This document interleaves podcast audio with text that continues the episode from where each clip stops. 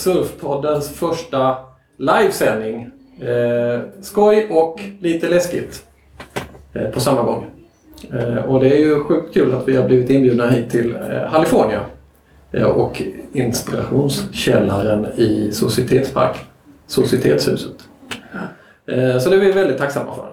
Och eh, ja, vi kanske ska börja med att presentera oss själva lite.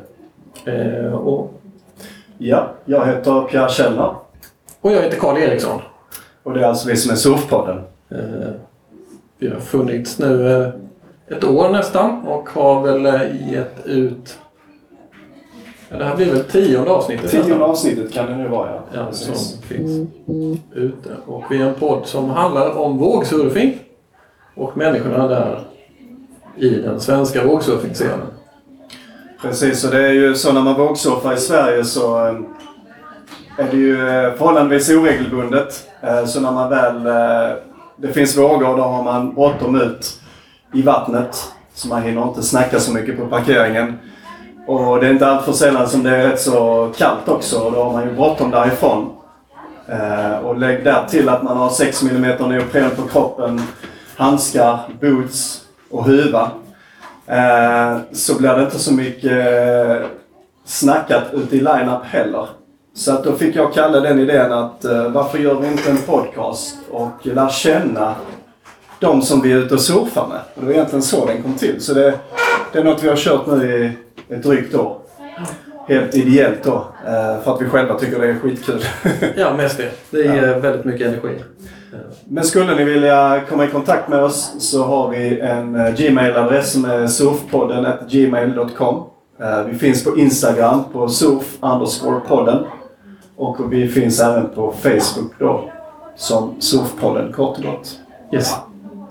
Eh, Men nog snackat om oss, även om vi tycker det är ganska trevligt och skulle kunna göra det ganska länge. Eh, Men det är inte därför vi är här. Utan Nej. vi ska helt enkelt ta och intervjua en Varbergsprofil. En eh, Jonglerare, whiskykännare. musikalartist, Hotelldirektör. men framförallt surfare givetvis. Och musiker. och musik. Låt oss presentera hemmasonen Johan Leik. Det var fantastiskt. Genom badlakanet. Bästa introt jag haft. Ja, vi tänkte länge på det. Ja, Ja. härligt. Ja. Välkommen Johan eller Jona eller Swingkid. Vad ska vi kalla dig? Kärt barn har många namn. Eh, Johan nu. Fast det, ja, i surfvärlden är det Swing Kid. Just det. Och det är ju egentligen där vi befinner oss idag. Ja. Mest. Exakt. Och du eh, Johan, du är ju hemmason. Du är Född och uppväxt i Varberg. Så bodde första 19 åren här. Och sen eh, har jag försökt vara här så mycket som möjligt när jag är i Sverige. Jag har till och med förstått att du lärt dig surfa till och med här i Sverige. Jag är en av de Ja, få som har lärt sig surfa i svenska vatten. precis. Första sex åren jag vågsurfade var bara i Sverige. Så jag hade inte tagit ett paddeltag utomlands. Så sex år surfing i Sverige. Bra jobbat. Och, nu kör vi ett litet kort intro här för att få lite boxa in dig som person så att säga. Du är född och uppvuxen i Varberg. Eh, din sysselsättning, vad jobbar du med? Du Eh, nu är jag musiker eh, och jobbar lite extra som servitör på Gothia Towers sen tre år tillbaks. Men det är 20 dagar per år så det är inte så himla mycket. Det för mig är det skitmycket för jag har inte jobbat med ett vanligt jobb sedan 2009 kanske. Så det känns konstigt ändå att jobba på riktigt 20 dagar per år. Just det. Det beror på hur man definierar ett vanligt jobb. Ja. Ehm, familj? Eh, ja, snart fru. Mamma och pappa. Och eh, en brorsa. Mm. Inga husdjur. That's it. Och din fru surfar också? Jajamensan, hon är grym. Såklart. Fantastisk surfare. Härligt. Ja men då har vi ju fått lite koll på dig. Hur gammal är du Johan? Det kanske man inte ska fråga. Eh, jag är mentalt 17. jag är 38. Ja. 38. Ja. Men jag känner mig inte som 38. Förutom när man pratar med 20-åringar. Då känner man sig som 38. Såklart. Eh, ja, men då glider vi in i ett annat segment som vi alltid har. Eh, nu har vi fått lite bakgrundsfakta om dig. Vad du heter, gammal du är och var du är uppvuxen. Så då brukar vi köra några sådana här snabbfrågor. Eh, som vi har ett segment som vi kallar Duke eller Cook. Yes. Och då är ju Duke, det är ju eh, positivt. Duke Kalamuko. Svårt att säga. Duke Kanamuko. Duke Kalamuko, ja. Eh, grundaren av modern svensk surf. Eller inte svensk surf, det hade utan, varit fett. Utan eh, modern surfing. Men han var i Sverige. Han var i Sverige, ja. Vann OS-guld. Det gjorde han. Han blev 1900 bara slagen av Tarzan. Just det. Jag tror Han... han tog silver om jag inte Silver för mig. 1912. eller vad det är. Ja, just det. Johnny Weissmuller som Ja. tog guldet där. Mm. Eh, och sen har vi då Cook som är lite sämre dåligt. Eh, Det blir intressant. eh, så då börjar vi helt enkelt eh, och slänga oss rakt ut med tävlingar. Tävlingar. Eh, ja, alltså varför inte? Jag tycker eh, jag gillar att titta på det online. Eh, jag har själv tävlat i många, många år.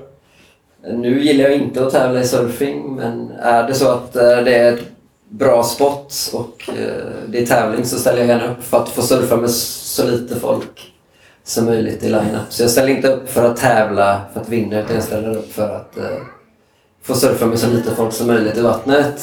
Och när jag tävlar med landslaget och så förr så var det inte för att tävla heller utan det var för att resa och träffa polare och få se nya spots. Så jag har aldrig... jag är väldigt tävlingsinriktad när det gäller allt utom surfing faktiskt. Så jag säger ändå Duke på den faktiskt. Ja. ja. Spännande. Eh, vi glider vidare till surftatueringar. Ah. Den är lite så. Det har jag jättemånga. Men jag tycker det är, Alltså alla har ju tatueringar. Det är väldigt många som har tatueringar. De har en eh, dödskalle med någonting som inte betyder något. Eh, och jag har... eh, Alla tatueringar jag har på min kropp är väldigt personliga och handlar om minnen. Så om du gör en surftatuering och du le, alltså, Jag har andats och levt surfing sedan jag var typ 14 år. Eh, så om jag ska tatuera in någonting på min kropp så varför inte någonting som har med surfing att göra när det handlar om hela mitt liv? Istället för en tribal med lite... Eh, någon drake eller... Alltså så, jag tycker att... Så, uh, men det är ändå kokigt men jag skiter i det. Så, jag säger kok på den, men... Eh, i don't care. Ja, vi, vi kan tillägga, jag har också en ganska... Ja, precis. Ja, men det är liksom, vad fan, om man älskar surfing, varför inte ha en surftatuering tycker jag? Ja. Älskar du fotboll, gör en fotboll. Gör inte en panter som klättrar upp för det. Alltså, li- alltså lite så. Älskar du pantra, gör en panter. Men ja, Ja, ni fattar. vi fattar. Eh, då går vi slänger oss vidare. Vågpolar. Eh, ja, om jag får surfa så är det Duke. Men eh, jag tyckte den eh, World Surf League var, det var kul en kvart. Sen kollade jag på hela tävlingen men eh, att titta på är det inte så jäkla kul. Jag tror faktiskt att surfpoolar kommer leda till att ännu mer människor kommer börja surfa. Så att det kommer vara ännu mer crowded liksom. Så det, det är kook. Men jag hade jättegärna surfat Kellys eh, vågpool. Ja, för det, det såg lite ut som de höll igen rätt mycket när de surfade. Ja. I alla fall den. Ja men det var liksom, alla är lika bra i World Surf League och de, varje våg såg likadan ut. Sen var det Toledo som gjorde något speciellt. Liksom. Men jag kan förstå om de hade lagt det mitt i Ryssland där det är 500 mil till havet. Liksom. Då är det Duke, men annars är det Cook. Det känns som det håller nästan på att bli en uh, speciell gren kanske till och med. Liksom. Ja, det kommer ju... Alltså det Det kommer att differentiera ut kommer vara som slopestyle i snowboard Typ. eller något Ja. sånt. Eh, Men jag var ju faktiskt inne på, eh, då när de byggde den, samma som André, när de byggde de här wavepoolsen i Wales. Så jag var i kontakt med han som ville bygga det i Sverige. Och var också på, på väg att starta det projektet här i Varberg. För att ha något annat ställe att surfa på men det bara spårade ur. Och Nej, så det blev inget med det. Men äh, jag, jag vill nog inte ha det i Sverige faktiskt. Så cook. Ja. Cook. Eh, nu kommer en liten icke en japansk whisky. Japansk. Ja. Det är en ganska konstig fråga. Men jag, jag älskar whisky. Ja, du har, väl, har du inte jobbat som whiskysäljare? Whisky? Jo, jag har jobbat eh, med whisky och pluggat väldigt mycket whisky. Så, så då är det inte så konstigt? Nej, egentligen inte. Eh, ja, en av världens bästa whisky, absolut. Uh, finns en whisky som heter Hibiki. 23-årig. Som är den godaste blended. Jag brukar bara dricka singelmalt. Men det är Duke, eh, garanterat. Så om ni vill prova världens bästa whisky så är det Hibiki 23 år, men den kostar 7 500.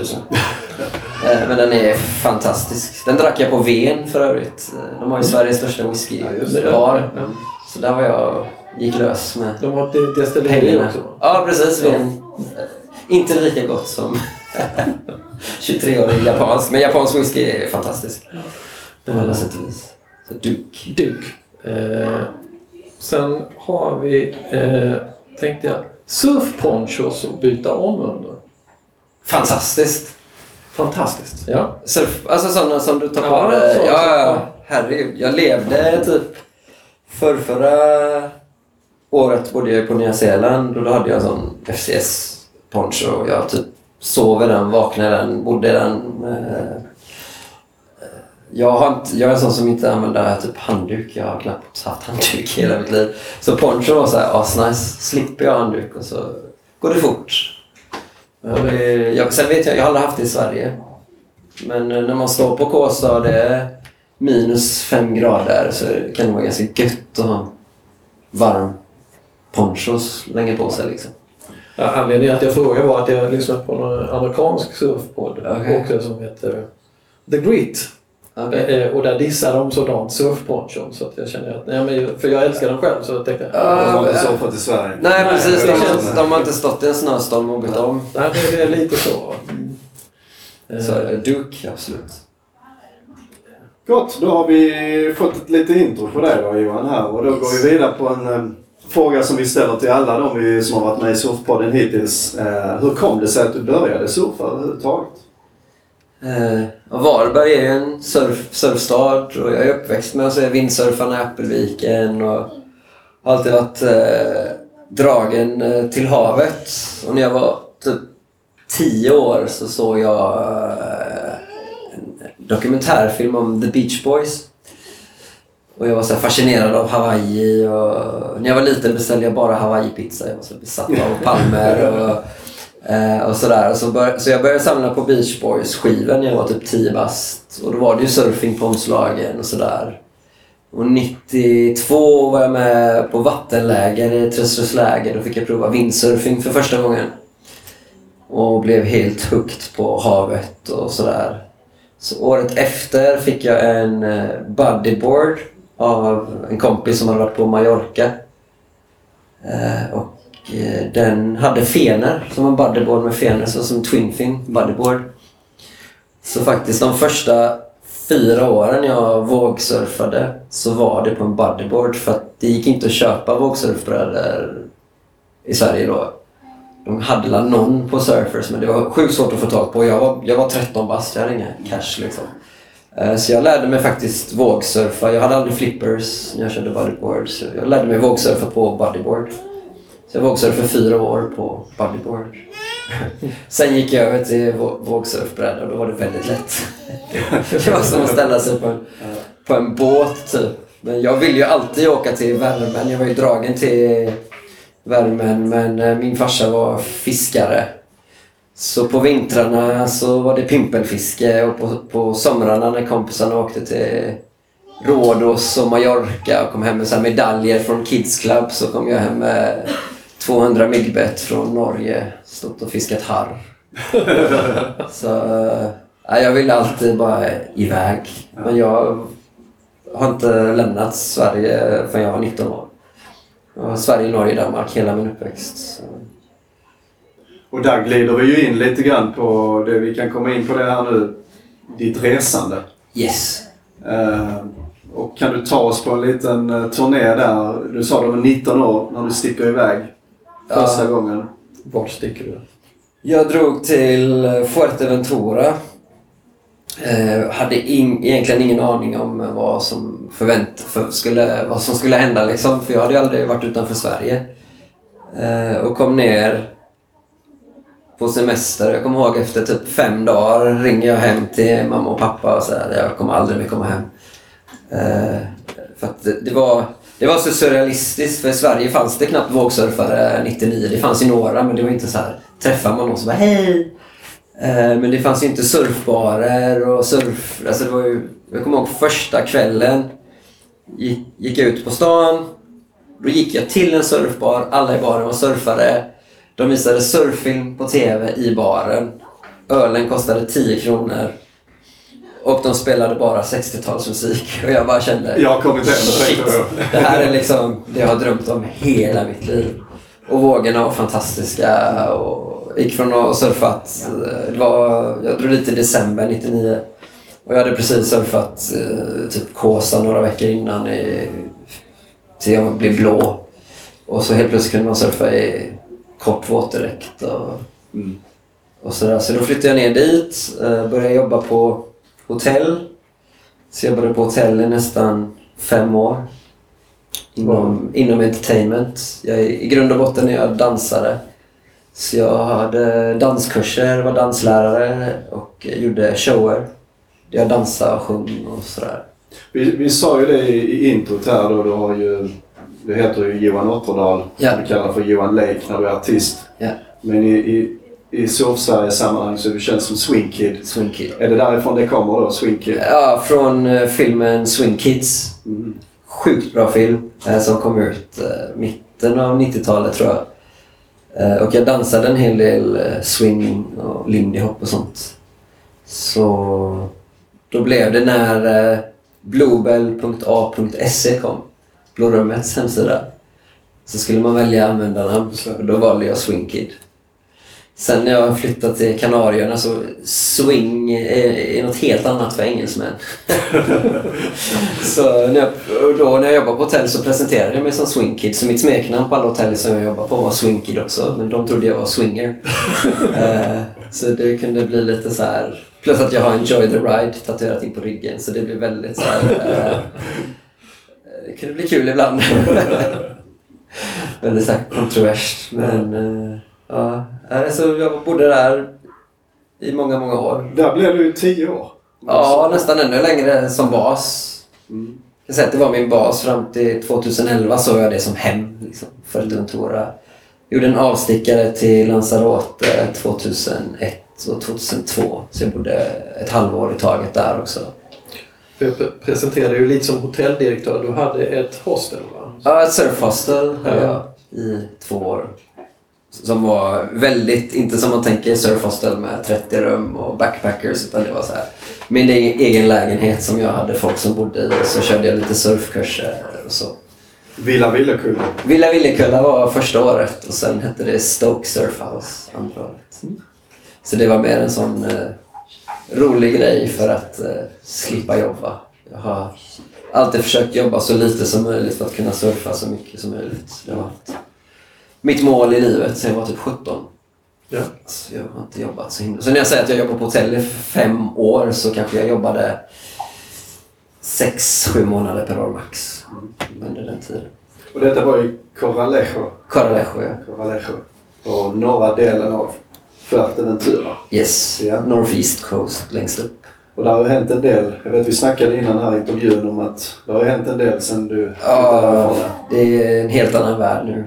När jag kom ner så fanns det knappt asfalt på gatorna. Det var, växte kaktusar och det var inte alls mycket turister överhuvudtaget. Så det var bara vindsurfare. Det fanns ju inte kitesurf på den tiden.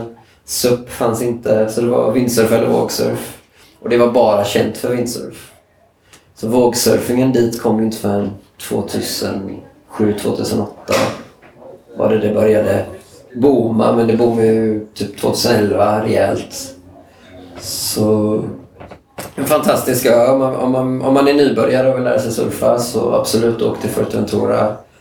Eh, men eh, Jag anser att jag fick se the golden years. eh, Så att jag kommer åka tillbaka och träffa vänner och så men jag skulle inte åka dit för att bo där igen. Sådär. Men jag har inget emot Fuerteventura annars. Det är en magisk plats. Och, och det är många som också säger att ja, men Coralejo det är så jävla kommersiellt och sådär. Men det finns hur mycket byar som helst på västkusten där det är som Coralejo var på 70-talet. Så det är bara att åka dit om man saknar... Det finns en supermarket och en brödaffär, that's it. Och så har du beach breaks liksom. Så det finns ju.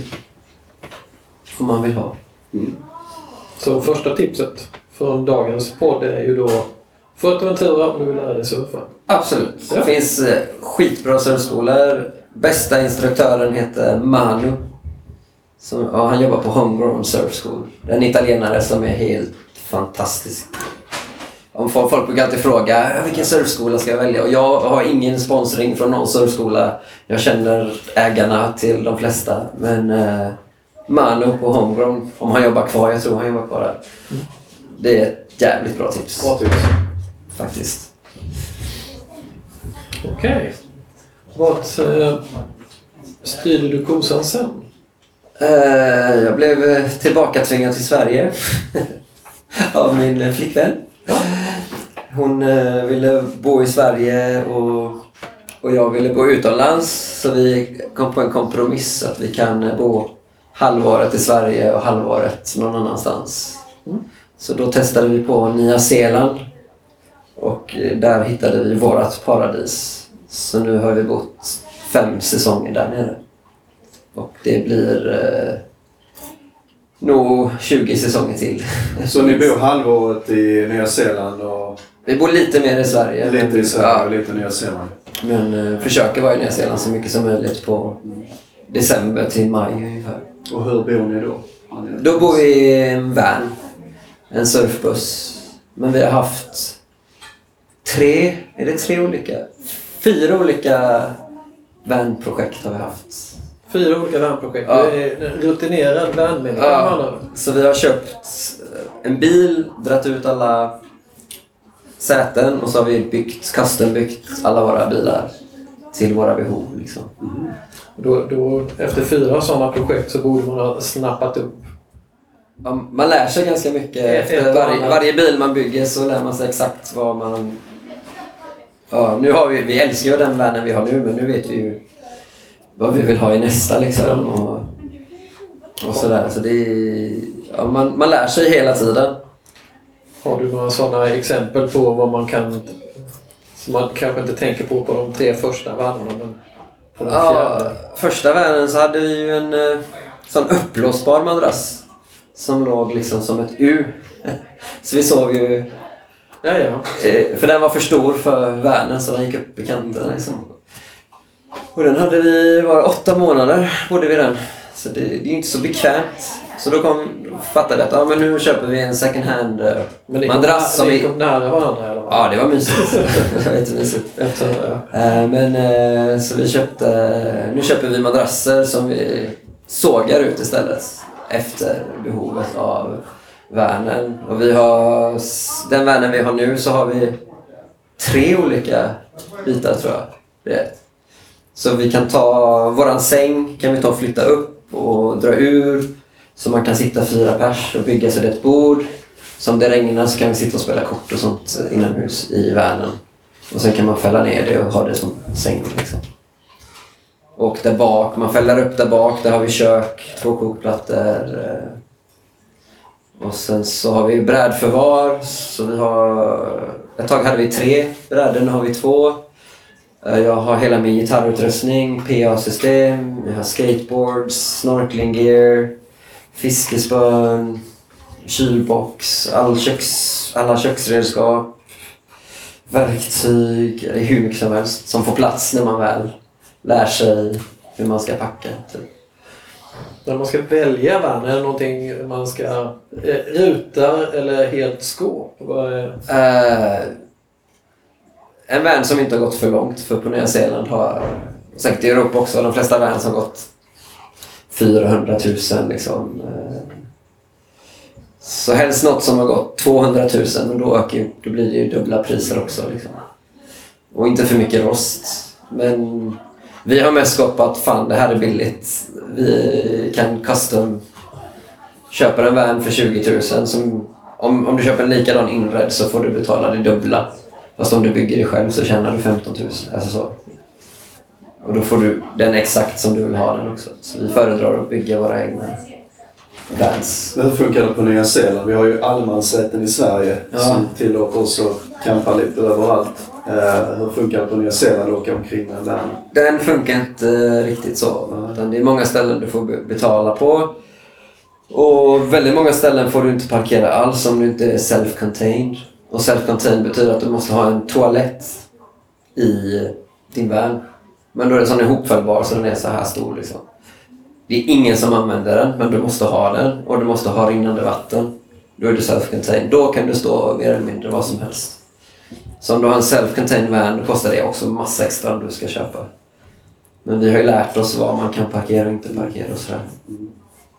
Men det har blivit dyrare och dyrare att parkera och många ställen har försvunnit på grund av att turismen har ökat. Tyvärr. Har du lite andra konkreta tips på vanlife? Vanlife, ja. Eh, vad heter det? Vinäger. Det är bra. Vinäger, om man ska diska så slipper man vatten, man slipper diskmedel. Regnar det ute kan man sitta inne i bilen och diska. Man tar bara lite hushållspapper och vinäger så blir det rent och bakteriefritt. Och det går ganska fort. Eh, plus att eh, de som bor i området, om man campar på ett ställe där man egentligen inte får campa.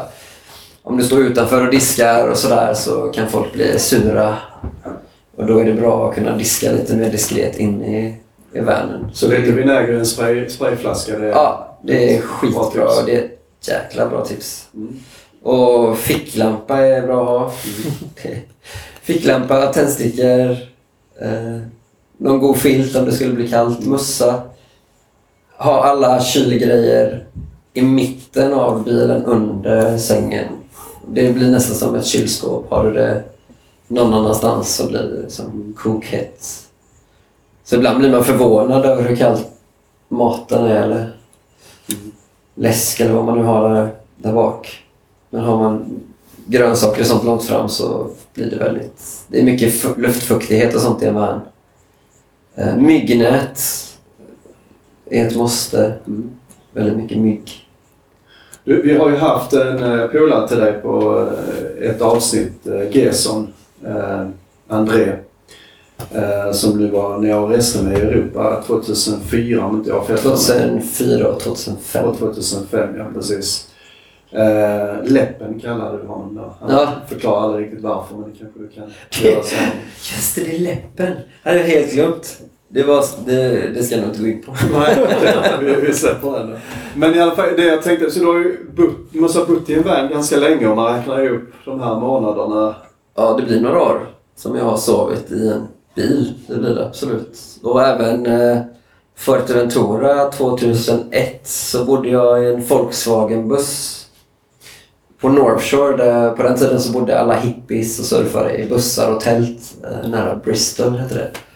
Eh, då sov jag i framsätet för att det var två killar som bodde där bak. Så jag sov sittandes i ett framsäte ett tag i en Volkswagen-buss. Så hade vi kläderna i det andra sätet så låg jag så och sov.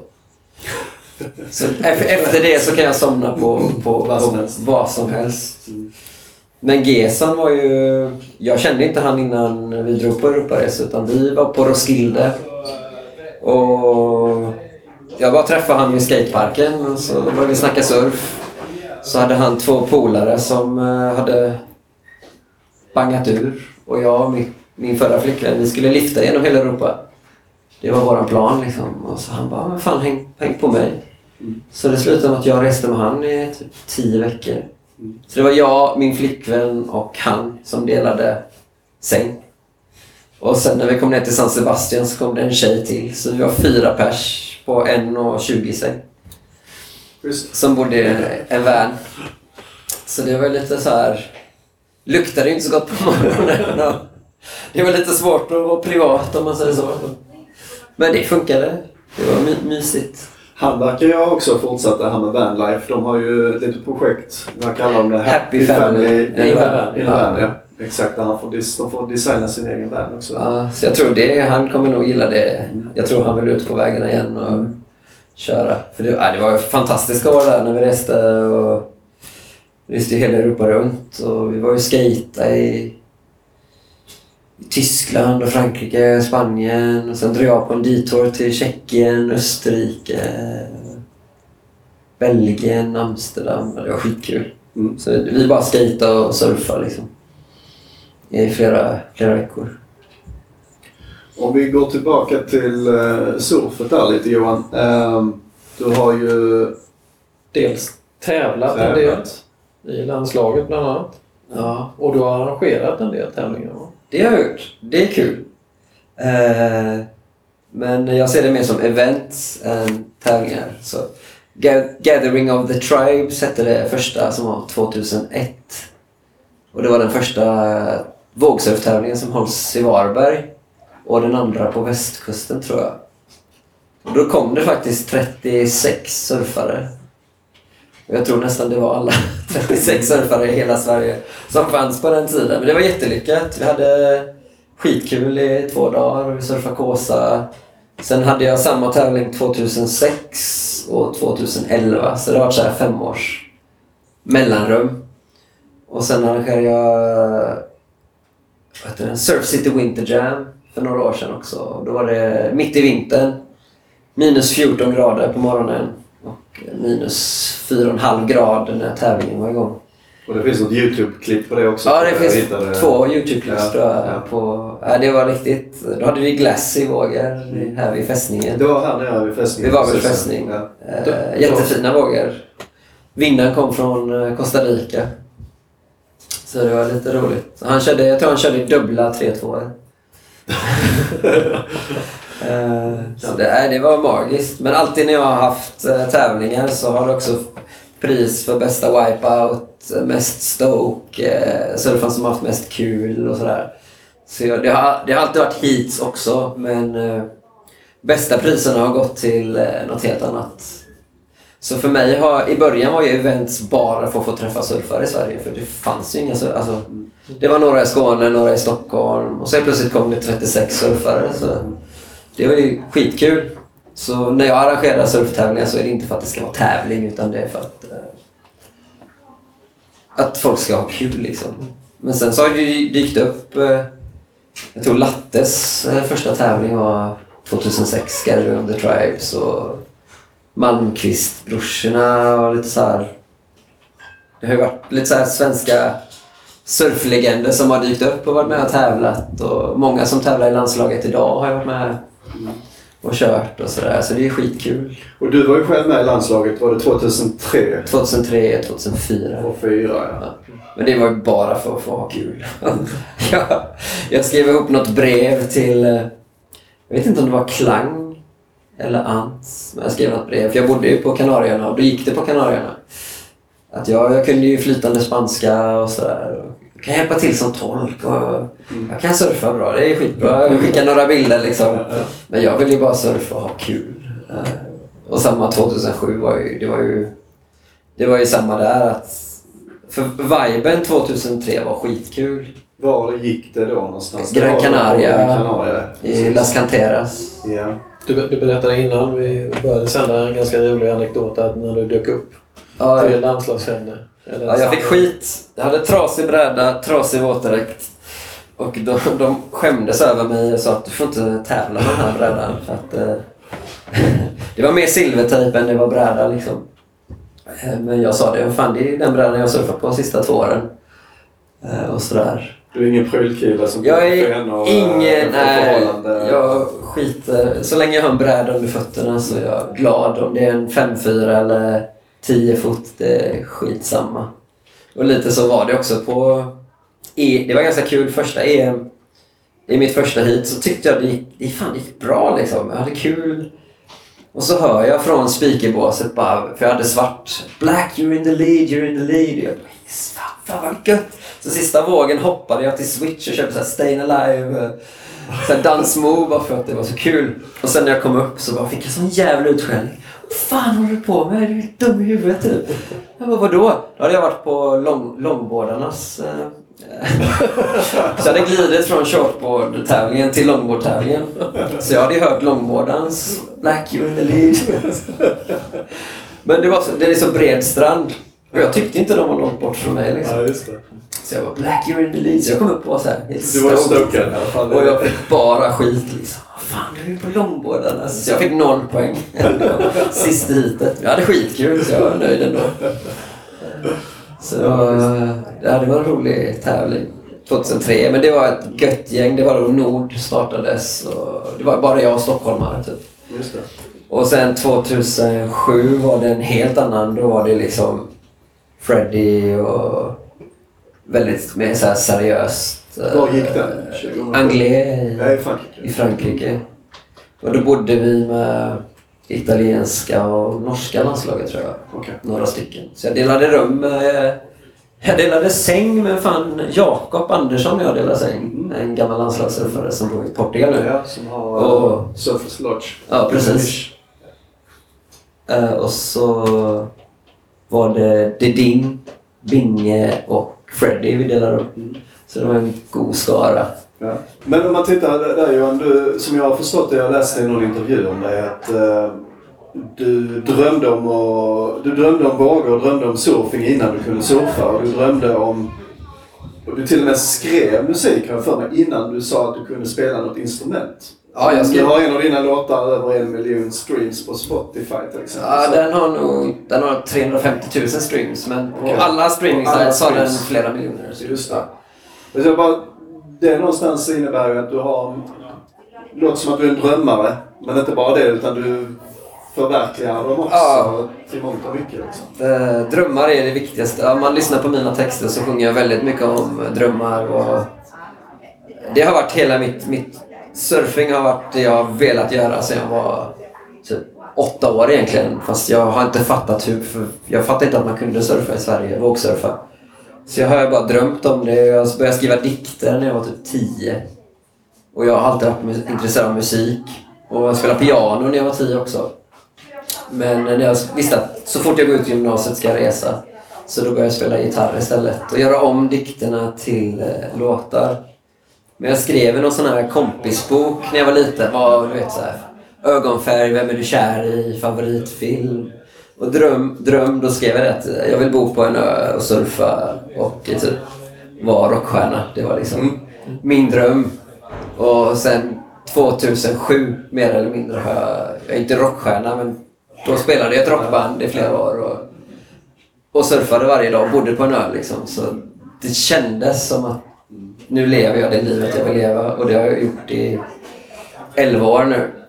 Och sen har man ju fått mycket skit på grund av det också då för att man inte har växt upp och man har inte skaffat ett riktigt jobb och man bara glider omkring och sådär. Men jag tycker inte...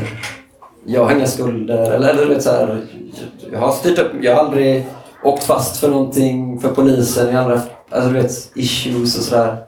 Men då får man bara massa skit eh, i ansiktet för att man lever sin dröm. Det är ju rätt så signifikativt för många av dem vi har intervjuat som har gjort lite grann som du där, följt sina drömmar. Många som kommer och frågar vad ska du göra när du blir stor och ska Ja. ta ett riktigt jobb och hur länge ska du vara där nere och resa och så vidare. Och så vidare. Ehm, Det är väl en viss typ av avundsjuka som säkert... Jag, jag tror det är så orolighet också. Att, eh, de kan inte... Alltså, säger man att man jobbar på Volvo, då fattar de liksom. Ah, men han jobbar, då vet de vad man gör. Men när man säger att man bara reser och spelar musik, då tycker de det är bara flummigt. Typ. De tycker synd om mig för att jag bor i en van. Alltså sådär. Men jag bor hellre i en van på Nya Zeeland än ett femstjärnigt hotell i Dubai eller Las Vegas. Liksom. Alla dagar i veckan bor jag hellre i en bil. Nya Zeeland där, vi, vi sa aldrig vilken ö eh, det är. Norden bor vi på. Nord- Norden. Jag har inte ens varit på sidan, fast jag har varit där fem gånger. Eh, Jag är mer dragen till det varma klimatet och sådär. Men någon gång ska vi absolut åka ner till sidan. Kanske köra en säsong där och se. Mycket sandflies och mygg där nere.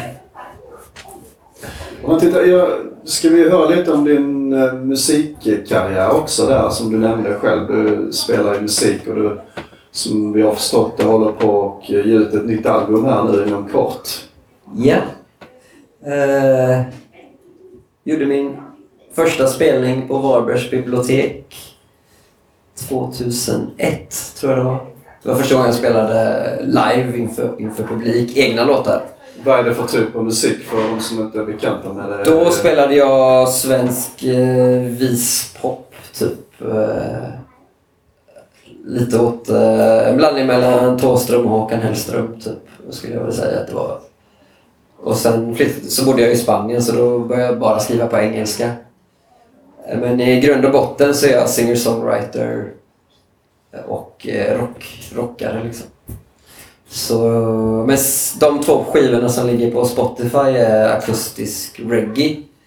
Och den första skivan eh, gjorde jag som ett experiment. För överallt jag reste i världen så gillade surfarna reggae. Liksom. Eller de flesta gillade reggae och man var på Sri Lanka och Hawaii. Det var liksom reggae överallt. Och så tänkte jag, fan det finns ingen reggae-skiva där de sjunger om att leva det livet jag lever. Så varför inte göra en poetisk platta om att surfa och lite så. Det är inte alla låtar, det är inte så här surf, surf, surf, surf. Jag tror knappt jag nämner surfing i det är två låtar jag bara nämner ordet surf. Men själva känslan av att surfa och resa. Så då släppte jag, spelade in den i en lägenhet i Göteborg. I ett rum på nio kvadrat liksom. På två veckor. Och la upp den på Spotify som en rolig grej. Och det är den skivan jag har rest eh, spelat nu i Frankrike och Portugal och Spanien och Norge, Sri Lanka, Nya Zeeland. På grund av, av, av den skivan liksom. Men nu har jag fått den här stämpeln. Ah, det är han Jonah Lake Reggae. Reggae-snubben liksom. Och jag vill inte vara... Jag är mycket mer rocker liksom. Jag jobbar i rockbar i flera år och känner mig... Jag är mycket mer Led Zeppelin än Bob Marley om man säger så. Fast folk inte tror det. Så nya skivan är eh, något helt annat. Det är tio låtar som handlar om att resa. Fast det är bara laid back, fingerpicking, singer-songwriter. Så det blir ingen uh, ny reggae. Och det kommer nog ingen mer reggae heller. För jag har andra projekt. Jag ska släppa en skiva med en kille från Tyskland. Och vi heter Nowhere Men. Och uh, vårat sound är mer åt uh, Fleet Foxes, Simon Garfunkel, modern folk med stämmor och, och lite sådär. Ingen baktakt.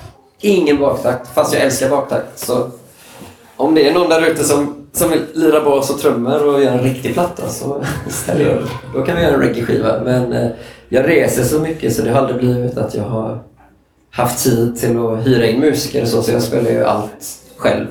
Och egentligen är jag bara gitarrist så jag är jättekass på percussion och bas men jag har bara fått improvisera liksom. Sådär. Och vad hette den nya plattan då? Eh, Den kommer heta A Soundtrack to Wonderlust. Så det, hela skivan är byggd som ett soundtrack till en film som inte har gjorts, kan man säga. Men man skulle kunna använda låtar till reklam eller... Det är väldigt lugna låtar liksom. Och mycket så här intro, mellanspel och sådär. Så de är lite längre än vad de har varit på tidigare skivor. Och nu kommer jag även ha piano med och jag har lagt på lite stråkar på vissa låtar och sådär. Och när kan man, tror du, när kommer den att finnas ut? Så fort det blir dåligt väder i två veckor Just det, så så går jag in i studio och gör klart skivan. För jag kan inte sitta och spela in när det är 30 grader varmt. Det går inte. Så, så nästa gång det regnar så kommer, eh, kommer det nog en ny skiva. Eh, Vi har ju lite foton som Ja. rullar här i ett bildspel eh, bakom oss. Eh, vi kommer lägga ut dem då i ordning sen på eh, Surfpoddens Facebook-sida. Det här är ett ställe jag inte tänk- tänker nämna.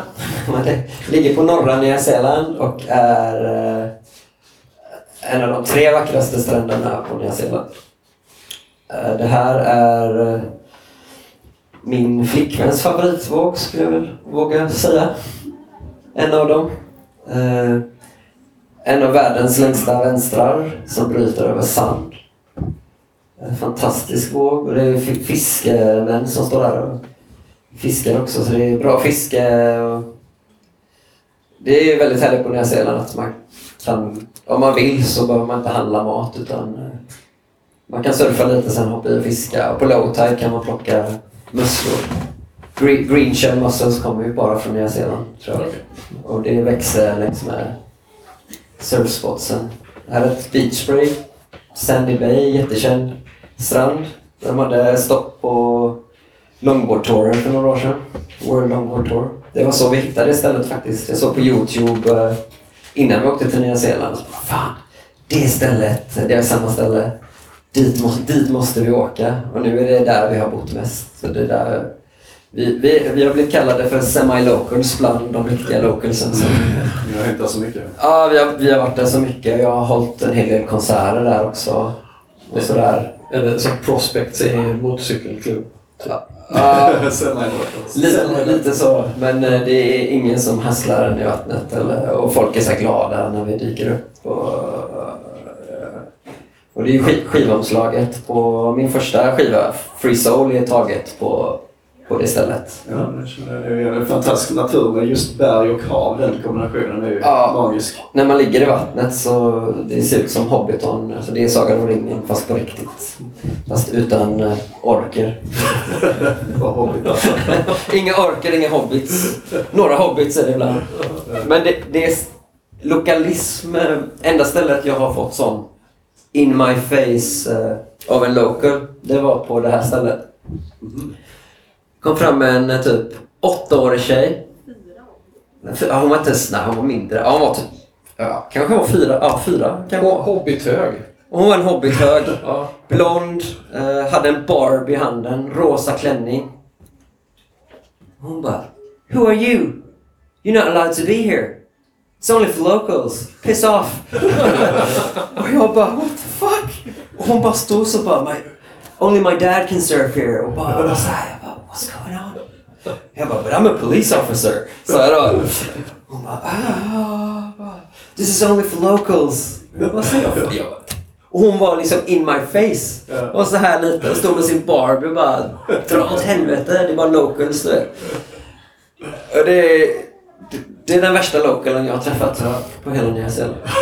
Har du stött på lokalism någon annanstans? Ja, det är några ställen som... Eh, finns ju vissa ställen som är så här super, super secrets. Som är riktigt jävla bra. Men... Eh, Är vi på, på, På- fötter? Nej, på Nya Zeeland. Nya Zeeland. Eh, som, som på Fuerte. Det tog mig typ sex år att bli accepterad eh, i line-up på vissa spots. För att där är det hardcore Ja, lokalism. jag, har inte varit på Fuerte, jag har varit på Lanzarote. Ja, det är samma. Lanzarote är tufft alltså. Ja, du får inte ens surfa i La Santa om du inte Nej. bor i La Santa. Liksom. Jag bodde ju där och drog till La Santa de bara... Även om jag kunde flytande spanska och bodde på Lanzarote fick jag inte surfa där. Liksom. Men jag hoppade ändå. Men på Fuerte var det verkligen så här många vågor. Och, för det var ju inte så många som surfade. Så det var ju bara locals. Och så kom vi några... Vi var, det var jag och Limpan. Vi var de enda svenska surfarna. Så något år var det någon annan. Liksom. Men det var, det var inte mycket folk som surfade. Och det var väldigt så här locals. Så jag är van att bli skrikt på varje gång jag surfar. Och då jag bara skriker tillbaks. Så när folk skriker till mig på Nya Zeeland tycker jag nästan det är lite roligt. Men det händer väldigt sällan. Ja. Men det är vissa ställen som de är stora kiwis liksom. De, man ska inte... I Spanien är de en hand hög och de är som små chihuahuas typ. Medan på Nya Zeeland så är det verkligen pitbulls som du inte vill kanske bråka med. Då. Så då går man bara över till något annat ställe och surfar. Här ser vi de bilderna som är tagna. Här är tagna... Det är fästningspiren. Det är här ute. Det här bakom fästningen ja. Det är din flickvän kanske vi ska nämna? Som är fotograf för de flesta av Inte denna bilden. Just den kanske. Det är den enda hon inte Nej. har tagit. Det är farsan som har tagit den bilden Ja, faktiskt. Men det är en fantastisk våg. Eh, som är... När det blir stort då är vi bara en tre, fyra stycken som surfar den. För att den är eh, väldigt stor. Och det där är Sri Lanka för mig. Nej, det är Nej. Nya Zeeland. Det är också Nya Zeeland. Nya Zeelands kändaste höger. Okej. Stent Road. Och det är faktiskt den bästa högervågen jag fått i hela mitt liv. Och där kör jag på en 5-4. Så det var lite... Ja, i, Undergunned. I bottom turn, ja de var ute, de som surfade körde ju 6-4 typ. Så i bottom turnen där så var jag riktigt skraj. För det är, det är mycket sten och det är klart vatten och det är sten och ramlar du så du körd. Och så var det en, eh, en local från Raglan som vi kände som var där som vi inte hade sett på ett tag. Jag bara, fan jag ska visa han liksom, jag ska fan köra. Så jag gjorde bottom turn, gick upp och så jag vet, några av de bästa cutbacksen i mitt liv och bara körde, körde, körde, körde. Så jag fick typ bara en våg den session. Och det var den vågen. Men det var, sen paddade jag upp. Det var liksom, jag var nöjd i flera veckor efter det. det. En bra våg kan göra en hel semester liksom. Så det var riktigt nice. Och det här är Skåne. Ja, Österlen. från uh, våra hemmabryt, Kalle. Mhm. Jajamensan. Det var väldigt crowded den dagen kan jag säga. Ja, det brukar vara det. Och alla var där. Alla var där. Alla var där. Det var någon amerikan som låg och droppade in på alla. Det var. Men eh, det var kul. Freddy var i och Pontus och alla möjliga. Och där lirar du på ett ställe på Nya Zeeland? Det är Yacht Club i Raglan som är en sån legendarisk eh, ställe. Typ Xavier Rudd och Ben Harper och alla sådana här som kommer Nya det, är sån, det var ett ställe jag kände till innan jag ens kom till Nya Zeeland för att det är så många legendariska artister och band som har spelat där. Det är ett litet hak där det bara är så surfare. Och, så min dröm var bara, fan, tänk att få spela på Yacht Club någon gång. Och nu är jag typ deras sommartrubadur. Ja. Nu gör jag tre, fyra gigs där varje sommar. Så det är skitkul. Och här ser vi vanen. Ja, det är våran bil. Mitsubishi L- L300. Och det är Sportpack också. Sportspack. Ja. Så när man träffar en annan sportspack så tutar man. Liksom. Det är nice. Men det är, det är lite av det vi har i bilen. Faktiskt. Där är vi tillbaks på, Nu är vi tillbaka. på en helt fantastisk... Det var ett sånt ställe vi bara hittade. Vi har ju inte haft eh, ka, eller så här. Alla idag har ju smartphones. Jag och min tjej har ingen smartphone. Och folk har så här GPS och sånt. Men första åren så vi körde ju bara runt på Nya Zeeland med kartbok och körde vilse och då hittade vi det här stället. Och fantastisk plats och det är aldrig mer än, jag vet inte, det mesta vi har haft, fyra, fyra pers line-up kanske. Magiskt ställe så dit och återvänder vi varje år. Plockar upp mycket swell och sådär. Väldigt trevligt. Vi, ja, precis. Jag skulle vilja ta upp en grej där, med, där Johan. eh, Du var ju och surfade på Hawaii. 2000, ja, 2006 var det va? Och 2006. inte var som helst heller på Hawaii. Ja, pipeline. Ja. Ja, ja, ja. Surfa surfa. Jag fick en våg på pipeline. Men? Ja, Ja. men eh, jag kom ner... Då hade jag faktiskt varit i Norge två månader och jobbat som whiskyförsäljare. Och eh, mitt livs största dröm sen jag var åtta det var att åka till Hawaii. Det var liksom... Såklart. När vi hörde om pizzan. Ja, precis. Det var därför jag bara beställde hawaii-pizza när jag var liten. Och jag läste till och med lite hawaiianska på gymnasiet som ett extraämne. Så man fick välja valfritt och då ville jag lära mig hawaiianska. Liksom. Så. Eh, Men så när jag väl kom till Hawaii och North Shore, det var ju bara dit jag ville. Så jag bodde på Foos Place, Mark Foos eh, stuga där nära Waimea Bay. Och första dagen bara ner till Pipeline. När på året var detta? Eh, januari. Mm, högsäsong då. Och det var ju hela den, eller de veckorna jag var där så var det ju Eddie, Aika och stort liksom. Så Waimea Bay var 25 fot, Hawaiian så 50 fot, vilket är 15, 15 meters vågor, 15-17 meter. Pipeline bröt third reef. Så det var ju så stort så, så Kelly och de var där och surfade så det var också coolt att se. Kelly, Machado, Jerry Lopez, fick se dem liksom. Kalani Rob. Eh, jag kommer ihåg första kvällen vi kom ner. Så satt jag och kollade. Det var så här klassisk solnedgång. Kelly gick förbi på stranden och just då dejtade han Giselle Bündchen som var världens bäst betalda fotomodell. Hon kom och satte sig jämte mig. Så jag sitter liksom och kollar på solnedgången, första dagen på pipeline, världens, en av världens bästa vågor. Kelly går förbi och typ världens snyggaste tjej sitter jämte. Jag bara, det här är helt sjukt. Världens näst snyggaste tjej. Ja, men då var, då var hon ju det. Då hade inte jag träffat min blivande. Så då var hon det. Men äh, det var så här helt sjukt. Men det var ju för stort. Jag hade en 6-0 Nord med mig. Och så var det någon dag det var lite mindre. Men det var ändå... Jag har bilder från... Jag hade sån eh, engångskamera tror jag hade med mig. Med, utan zoom. Så jag hade bara prickar liksom. Och så eh, heavy pipe. Men jag ville bara ut och sätta mig i, line Eller i, i kanalen, inte i line men så jag tänkte, vad fan ska jag göra? Så jag gick fram till den största, mest tatuerade localen jag kunde träffa. Det var någon sån från Volcom House liksom. Johnny Boy Goes. Ja, men typ. Livvakt, typ. Ja, hans livvakt. Jag tror det var till och med var de här Rothman, han den äldsta. Han såg typ ut som han. Eh, och sa det bara Look man, I'm from Sweden. I've been dreaming about coming here since I was eight years old. I don't even know if any Swede has ever served pipeline, but I just want to sit in the lineup and, and check the waves. Mm. Så bara, hur, hur tar man sig ut? Eh, jag bara, jag ber om ursäkt, jag är världens jävla kook. Men jag, jag, bara, jag har drömt om det här hela mitt liv så jag skiter i vilket. Jag ska sitta där och bara titta liksom. Han bara, "Ah, no worries man. Så han eh, bara följde efter mig så han visste exakt där man skulle hoppa i. Och på pipeline hoppar ut till vänster om A-framen liksom och så drar strömmen åt höger. Men det är ju skitläskigt att hoppa i på vänster när det är en våg som är 7-8 meter som bryter framför dig. Men man sugs ut ganska fort. Och sen satt jag där ute i fyra timmar. Och försökte inte ens få en våg. Och bara kolla när de blev mäktigaste jag har sett i hela mitt liv. Än idag är det det fetaste jag har upplevt. Eh, Och så han kom paddla förbi och han bara "Ah, “How's it going?” typ. Jag bara “Assvett”. Jag bara “Hur paddlar man in?”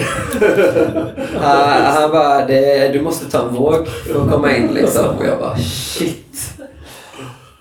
Det var så här... eh, Det var riktigt eh, freaky. Eh, så det var ju bara att försöka liksom. Jag fick ju paddla mer. Så jag la mig på första first reef. Eh, lite för att inte ta få sett vågen i huvudet liksom. Och jag, jag paddlar på hur många vågor som helst men när man ser det på, på TV eller Youtube och ligger där i verkligheten så är det något helt... Det är eh, den läskigaste vågen jag surfat liksom. Uh, så kom kanske dagens minsta set som såg ut att vara en halv meter hög eller någonting och sen så blev det ju mycket större när man hoppade upp. Men eh, då hoppade jag upp och så körde jag hela vägen in. Och just den känslan att stå på en våg på pipeline, titta in och se Jerry Lopez House och allt man har sett i alla filmer sedan man var liten. Det var liksom bara... Så jag, jag kunde inte ens nästan njuta av vågen. Jag, bara, jag surfar pipeline, du vet det var helt... Så jag kom upp på stranden, jag sprang fram och tillbaka i typ en halvtimme i extas. Helt i extas. Och sen eh, drog tillbaks till hostelet. jag bodde. Du sov inte mycket den natten? Nej, jag hade, jag hade världens, världens jävla fest. Och, ja, det var typ ett av de absolut lyckligaste momenten i mitt liv faktiskt. Och sen dagen efter bara vred det till det värsta i mitt liv. Min flickvän gjorde slut efter fyra års förhållande. Jag hade två veckor kvar på Hawaii typ. Och bara helt plötsligt ska jag komma hem till ingen flickvän, ingen lägenhet, inget jobb. Och jag hade bränt alla cashen. och jag hade liksom... Så det var liksom från bästa till det värsta på två dagar. Då. Så sista veckorna på Hawaii var ganska skit. Så jag vill jättegärna åka dit igen. För det var ma- magiskt ställe. Men jag ångrar inte att jag åkte dit. Och det var absolut värt. Nu när man ser tillbaka så var det värt det. Mäktigt. Fantastiskt ställe. Ja, kul att höra din stoke. Eh, jag förstår precis vad du menar. Ja, ja, jag är... Ja, just Stoke... eh, Det har jag. Det kan man höra när jag surfar. Är jag i Kåsa, så den som skriker mest i vattnet, det är jag. Men jag skriker på alla som tar vågor. Man ser ju på vilken nivå surfarna är på. Ja. Jag menar om- Freddy får en våg och han gör cutback så är det då... Ja. Men om det är någon nybörjare eller någon som inte är så duktig som kör, liksom, då vill man ge dem stoke. Eh, och sådär. Det har ju försvunnit lite. Jag tyckte det var mycket mer stoke i Sverige förr. i line-up. För att alla var så glada att det var folk som surfade. Liksom. Var man fem pers, då var det ju vi fem. Och så var det liksom bara, Ja. nu kör vi. Men nu kan det ligga 50 pers i. Varav tre, fyra bara paddlar runt och tar alla vågor och är lite så aggressiva i line-up. Och det blir inte alls den här gemenskapen längre utan det flyger brädor och det är liksom folk är irriterade. Och, så det är lite synd. Men jag försöker fortfarande hålla den här Keep the stoke alive. Keep the stoke Stoke. alive. Ja, det är helt rätt. melodin. Faktiskt. Nej, ska vi Ta... Eh, runda av? ja, det kan vi göra. Vi har lite eh, frågor på slutet här som vi brukar köra med Avsluta. intervjuar. Ja. Så att om vi tar helt enkelt, eh, vilken var din första bräda förutom boogieboarden med fena då? Ja, det var min första. Eh, första vågsurfbräda var en, eh, en blå 6-4 kanske. Shapad i Varberg. Fille, en shaper från Varberg. Han hade ett märke som hette Soul Wave Surfboards. Tror jag hette. Okej. Eh, så det var min första bräda. Och sen bytte jag upp mig till en sämre bräda faktiskt. Det var också en Soulwave Surfboards eh, med glasade fenor. Det fanns inte FCS på den tiden. Och den körde jag av ena fenan, surfa ankaret. Så i ett års tid så surfade jag med en mittfena och en sidfena. och till slut så tröttnade jag på det så jag slog ut den andra fenan också så jag hade bara en mittfena. Men det var också en Varbergsbräda. Och sen när jag flyttade till Forret köpte jag den första riktiga. Och då blev jag pålurad någon sån 6.0 supertung 18 mm, 18 Ja. Han bara, den här är skitbra för Fuerteventura. Och det var den ju också. Men inte på den nivån jag var liksom.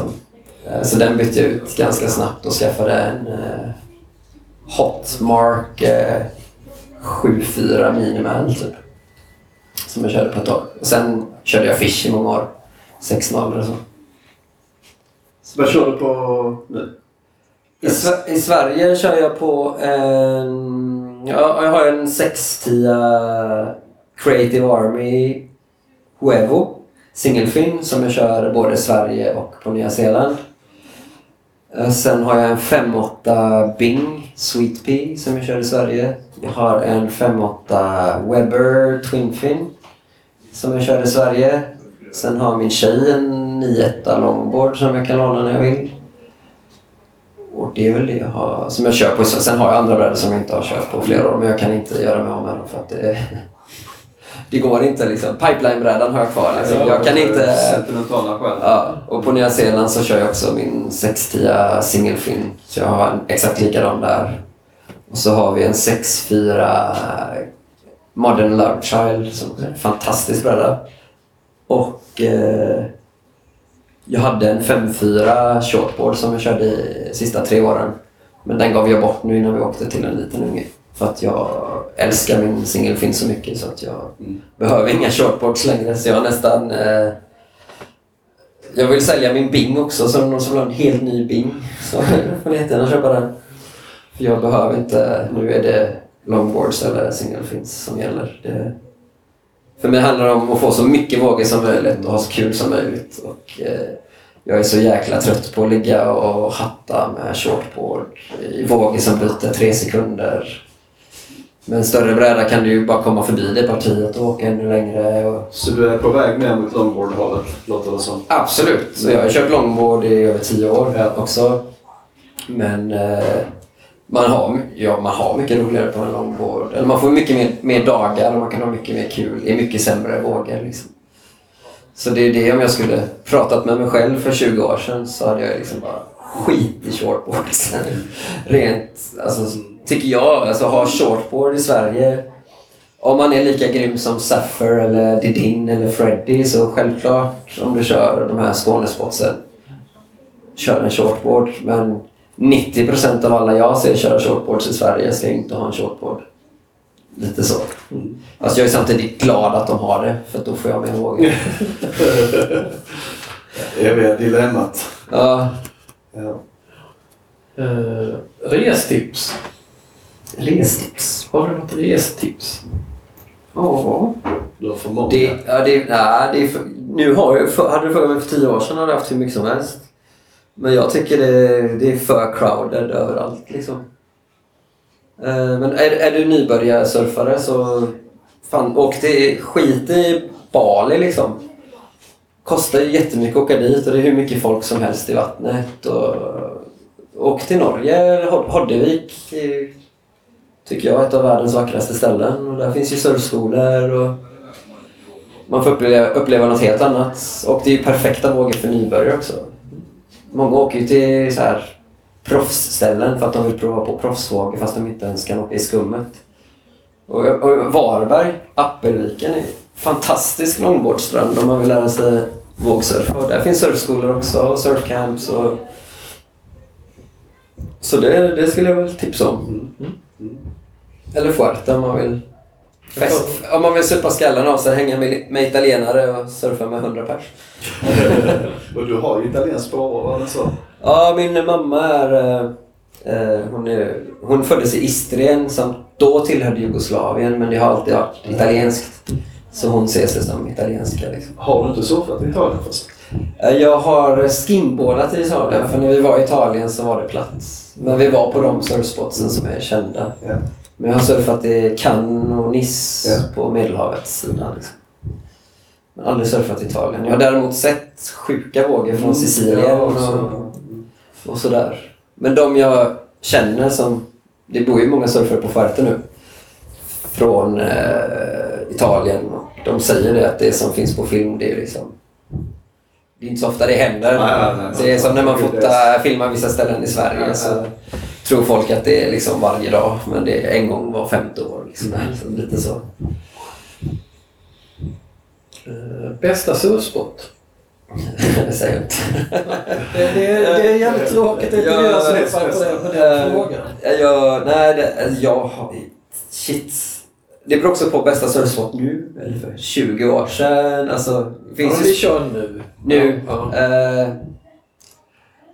där jag har mest kul är nog eh, Kåsa.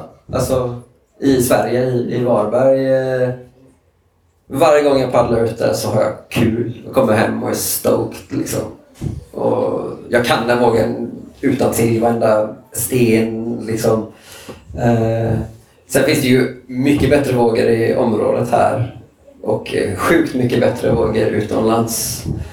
Men eh, de vill jag inte nämna. Sen det finns ett ställe på Fuerteventura som heter Harbour Wall. El Muelle som ligger inne i Coralejo som är en lång vänster. Och den, det är den vågen jag har surfat mest av alla vågor tror jag. Och Den gillar jag som fan. Men där är ju, det går ju, jag tror inte ens det går att surfa där nu. Det är för mycket folk. Det var för mycket folk för tio år sedan. Och nu vet jag inte. Men jag skulle, det, jag skulle vilja åka tillbaka till Fuerte nu i höst bara för att surfa den. Liksom. Och speciellt med singelfilm. Jag har ju bara kört den med shortboard. Så det skulle jag väl säga. Hur mycket tid lägger du på att kolla prognoser om dagen? Ja, fråga min fru. Det är sjukt mycket. Det är som, eh, när jag är utomlands så kollar jag knappt någonting. För där är det ju vågor allt som oftast. På Nya Zeeland har jag kollat ganska mycket nu för tiden. Men eh, ja, när man börjar surfa, det var ju 4.07 på text-tv. Och sjörapporten på morgonen. Så man har ju blivit så jävla bortskämd nu med... Men jag kollar DMI, är det jag kollar mest. Är det, funkar det bäst? Ja, Jag tycker det funkar bäst för Varberg. Eh, Windguru ibland. Yr kollar jag. Alltså jag kollar alla. Eller hur? Sen när man har slutat? Ja. Den sista dagen, eller första Ja, igen, sen- jag brukar först koll- kolla SMH i tiodygnsprognos och se om det ska blåsa överhuvudtaget. Och sen gå in och kolla femdygnsprognosen på DMI. Och då ser man, okej, den. Och då går jag timme för timme liksom. Så jag sitter ju uppe till när den kommer ett på natten. Jag sitter ju uppe till den kommer ett eller två var, varje dag om jag vet att jag ska ha surf. För att kolla.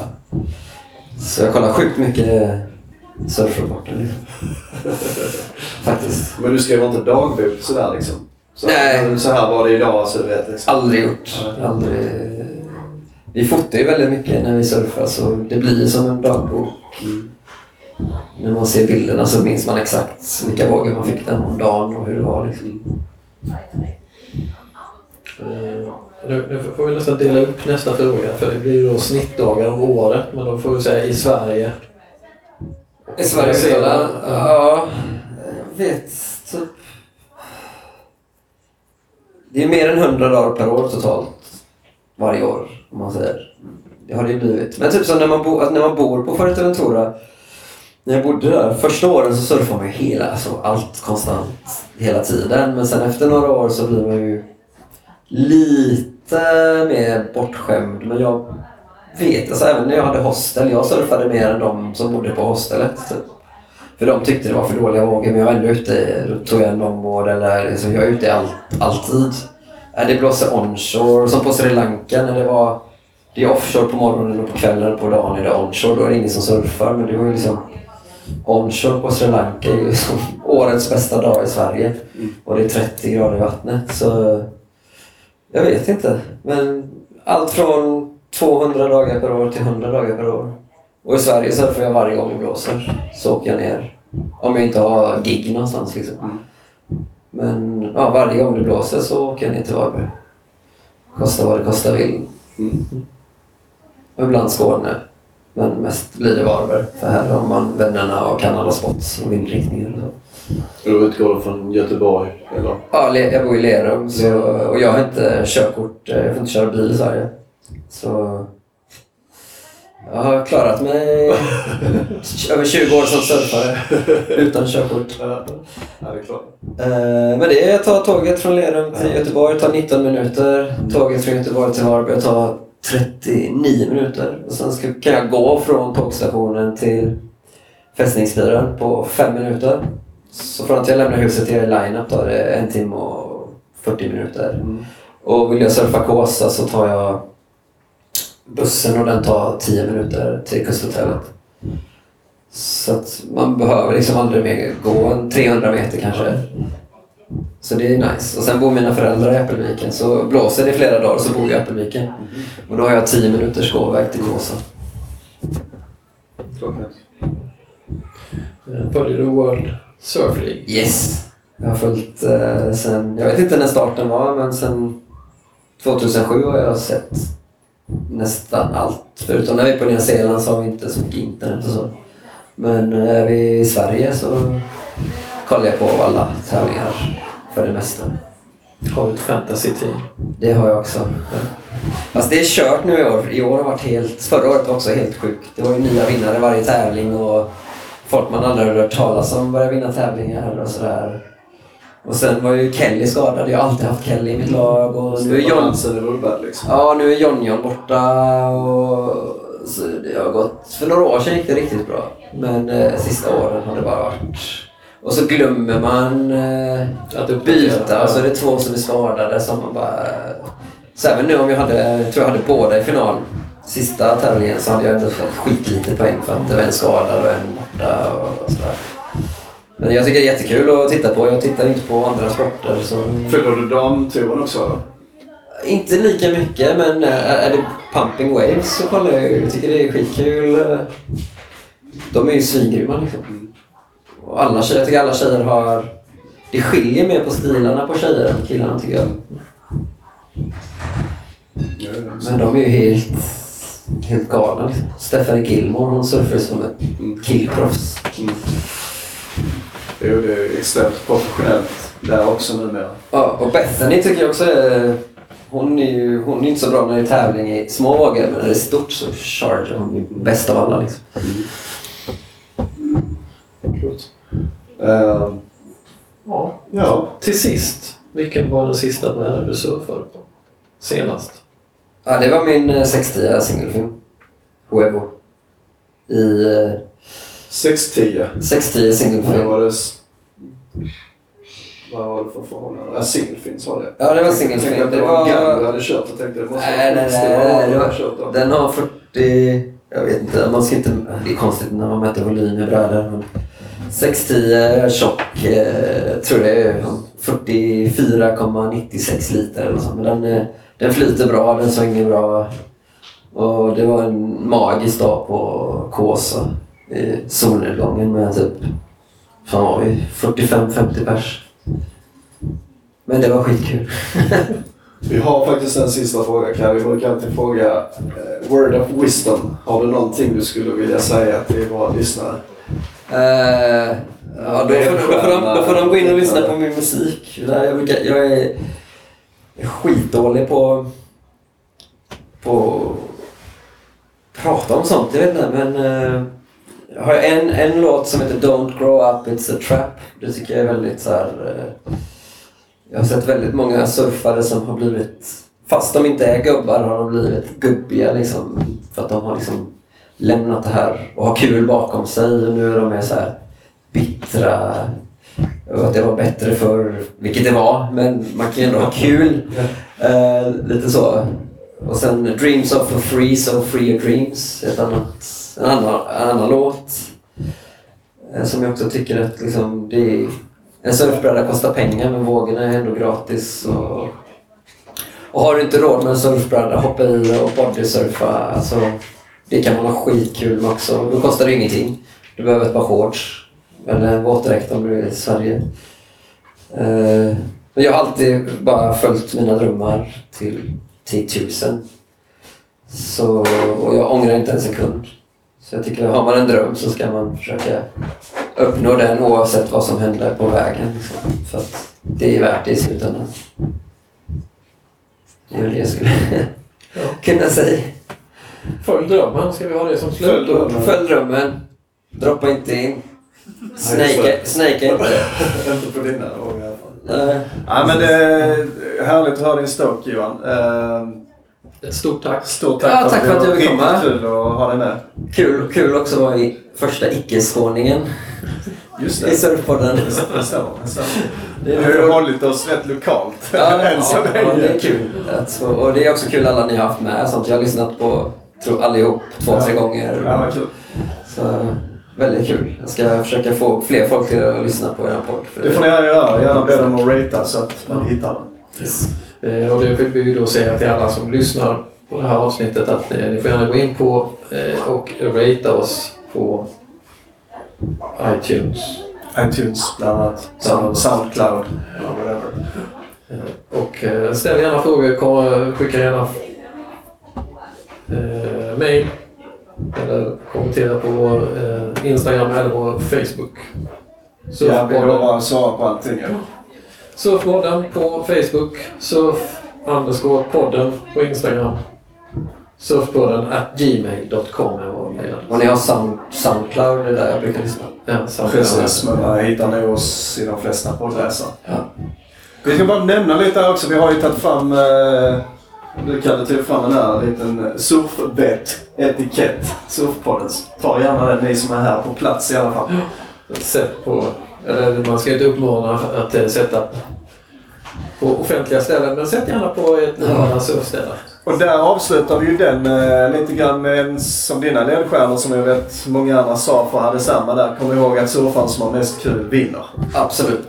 Den surfaren som har mest kul i vattnet. eh, Men stokade surfaren vinner. Man har mest kul i början. Ja. Faktiskt. Gött, tack så mycket. Tack så Johan, Jonas Lake, Johan Otterdal, Swingkid. Tack för att jag fick komma. Och tack ni som kom och lyssnade. Puss och kram. Hej!